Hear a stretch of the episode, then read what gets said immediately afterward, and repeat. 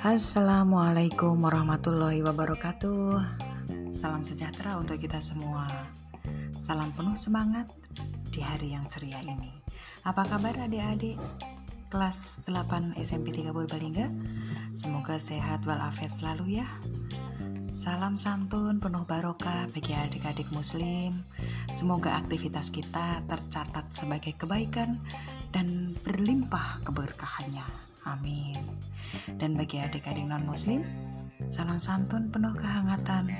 Semoga damai di bumi seperti di surga dan bahagia senantiasa. Amin. Jangan lupa Sebelum kita memulai pembelajaran, isi kehadiranmu terlebih dahulu di link absensi sebagai bukti siap melaksanakan pembelajaran. Oke, kita buka telegramnya, isi link absensinya terlebih dahulu. Yuk! Sudah ya anak-anak? Sudah mengisi link absensinya? Ayo, sekarang kita sama-sama berdiskusi. Kali ini kita akan mempelajari tentang keunggulan dan keterbatasan antar ruang dalam permintaan dan penawaran. Kalau kemarin kita sudah berbicara tentang teorinya, saat ini saya nggak akan berbicara tentang teori. Toh adik-adik semuanya bisa melihatnya di buku. Jadi hari ini kita akan uh, apa ya? Bu Guru akan menceritakan sebuah cerita dan nanti kamu uh, apa ya? Nanti kamu mereviewnya kembali, oke? Okay? Masih semangat kan anak-anak Indonesia? Anak-anak kelas 8 SMP Negeri 3 Purbalingga. Uh, saya akan bercerita tentang Papua Tanah Emas Tahu Papua kan? Indonesia itu memiliki tambang emas Papua dengan jumlah kandungan emas yang sangat besar. Terletak di daerah pegunungan Jayawijaya di Provinsi Papua Barat. Daerah ini hanya memiliki satu tambang emas, yaitu tambang emas Grasberg. Tambang Grasberg adalah tambang emas terbesar di dunia dan tambang tembaga ketiga terbesar di dunia. Tambang emasnya terbesar di dunia dan tambang tembaganya ketiga terbesar di dunia. Tambang ini terletak di Provinsi Papua dan dimiliki oleh Freeport. Freeport ini berbasis di Amerika Serikat dengan pembagian hasil tambang mencapai 67,3 persen. Rio Tinto Group mendapatkan 13 persen. Pemerintah Indonesia mendapatkan 9,3 persen. PT Indokoper Investama Corporation mendapatkan 9 persen. Produksi emas meningkat dari 1,58 juta ton. Berapa ya itu ya?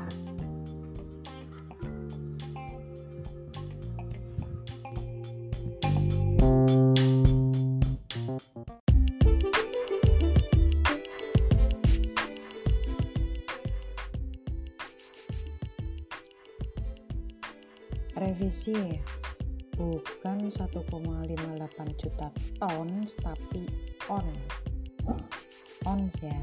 Jadi produksi emas meningkat dari 1,58 juta ons menjadi 3,55 juta ons. Tapi ingat 3,55 juta ons ini diingat bahwa produksi emas di tambang ini merupakan yang terbesar di dunia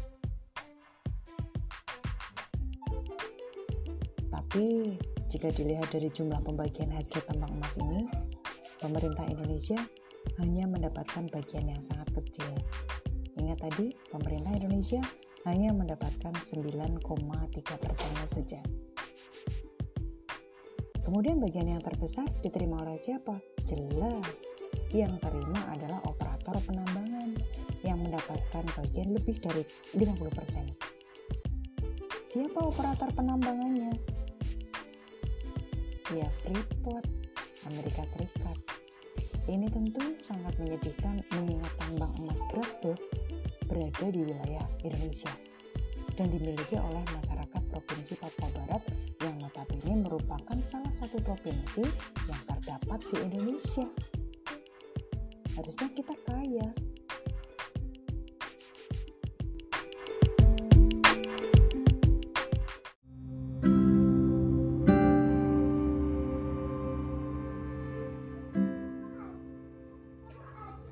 Itulah sedihnya ketika kita punya sumber daya alam yang bisa membuat kita kaya raya, tetapi sumber daya manusianya yang terbatas, maka bisa terjadi seperti yang kita pelajari tentang Freeport.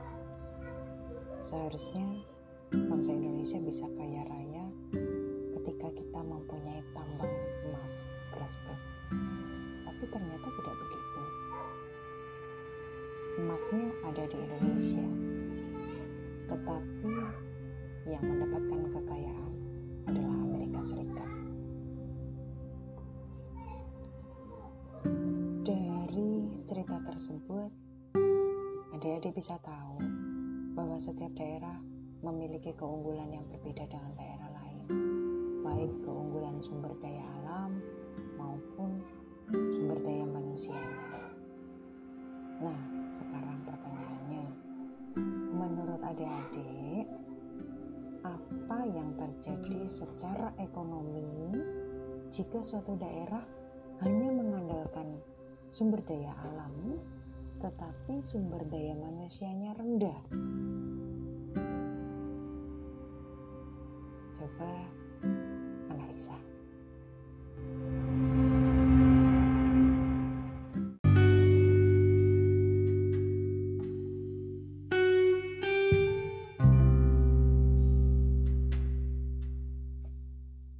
Sebagai gambaran,